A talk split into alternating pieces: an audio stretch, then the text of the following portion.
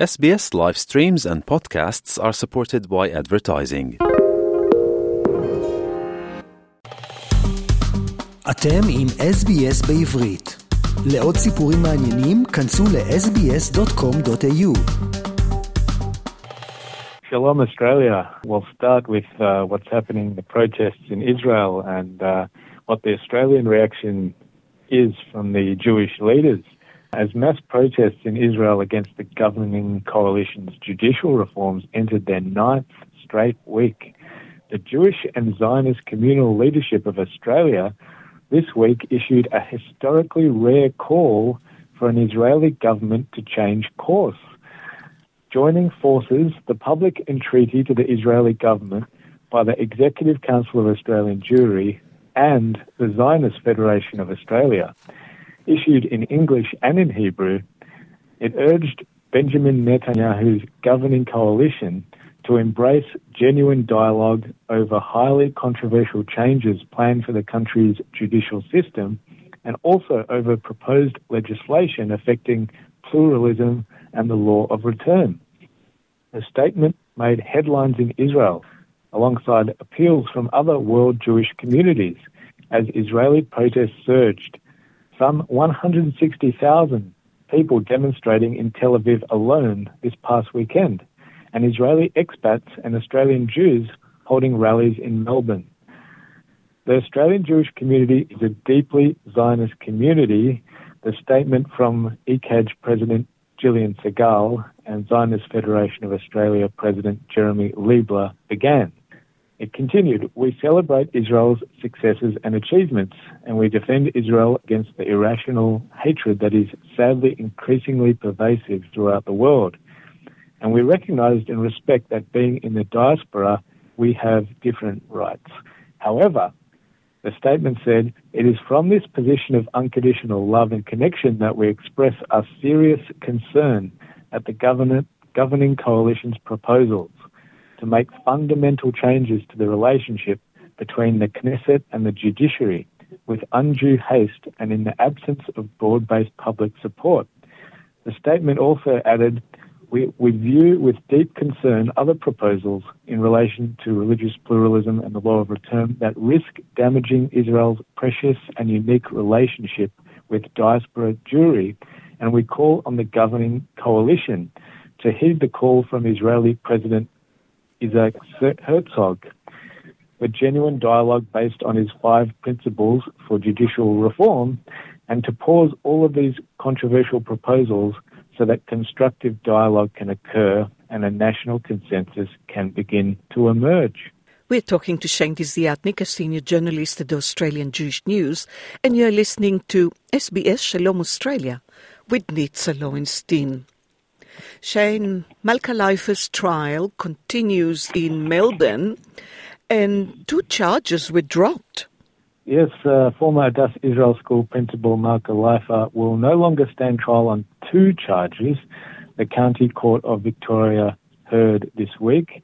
She was acquitted of two counts of committing an indecent act with a 16 or 17 year old child. The charges involve allegations she inappropriately touched or kissed one of the complainants, Ellie Sapper, ahead of a school play in December 2006. Now, that date, December 2006, is important because although the legislation on those two charges against Leifer are based come into law came into law on December 1, 2006, they cannot be applied retroactively. So Judge Mark Gamble told the court that the jury would not be able to find beyond a reasonable doubt that, that the, those alleged offences occurred on or after that date. Uh, however, the trial of Leifer on the remaining 27 charges will continue. And closing arguments were scheduled to start on Wednesday, and the jury possibly retiring to consider its verdict as soon as uh, next week. So we'll have to see what happens with that. Yes, we are following this trial with uh, great interest. Well, I'm talking about uh, the law and trials that three football fans have become the very first uh, in Australia to be charged of public display of Nazi symbols. That's right. Uh, New South Wales Police have been investigating allegations of hate crimes committed by a few Sydney United 58 football fans during last year's Australia Cup final against Macarthur, held at Sydney's CommBank Stadium. And following an extensive review of broadcast and CCTV footage from the match, uh, which captured fans performing Nazi salutes and waving offensive flags and banners, three men were charged under the offence of knowingly displaying a Nazi symbol without excuse. 24 year old man, a 44 year old man, and a 45 year old man, all from Western Sydney, will appear in Parramatta Local Court on April 19, and they face uh, a maximum penalty of 12 months imprisonment and or an $11,000 fine if they are found guilty. And of course, the New South Wales Jewish Board of Deputies was instrumental in getting this new legislation passed in New South Wales.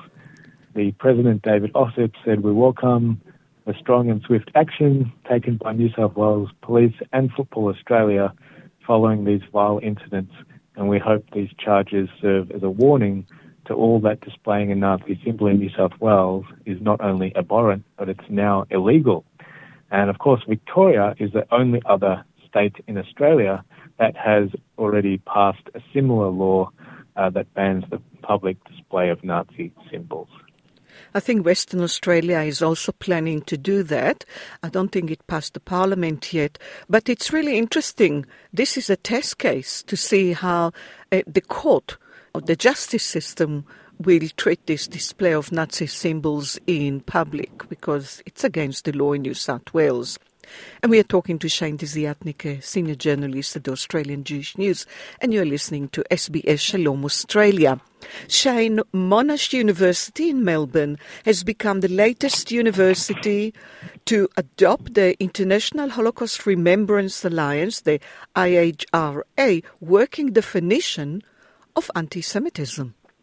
Yes, and the Jewish News understands that uh, staff were informed of the decision on Tuesday, and the university has also adopted a definition of Islamophobia as part of a new anti-racism policy.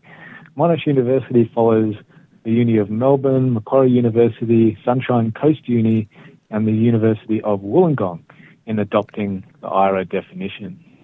And it's interesting that the Greens are actually actively fighting against it. And MP Josh Burns slammed the Greens for the continued opposition to the IHRA. Yes, he was very strong on this in, in Parliament. Uh, he moved a motion reaffirming the House of Representatives' commitment to the definition. And uh, Burns, uh, of course, is a co chair of the Parliamentary Friends of IHRA. He cited several of its examples, which he said were straightforward, but apparently not for the Greens. He said one cannot call for aiding or justifying the killing or harming of Jews.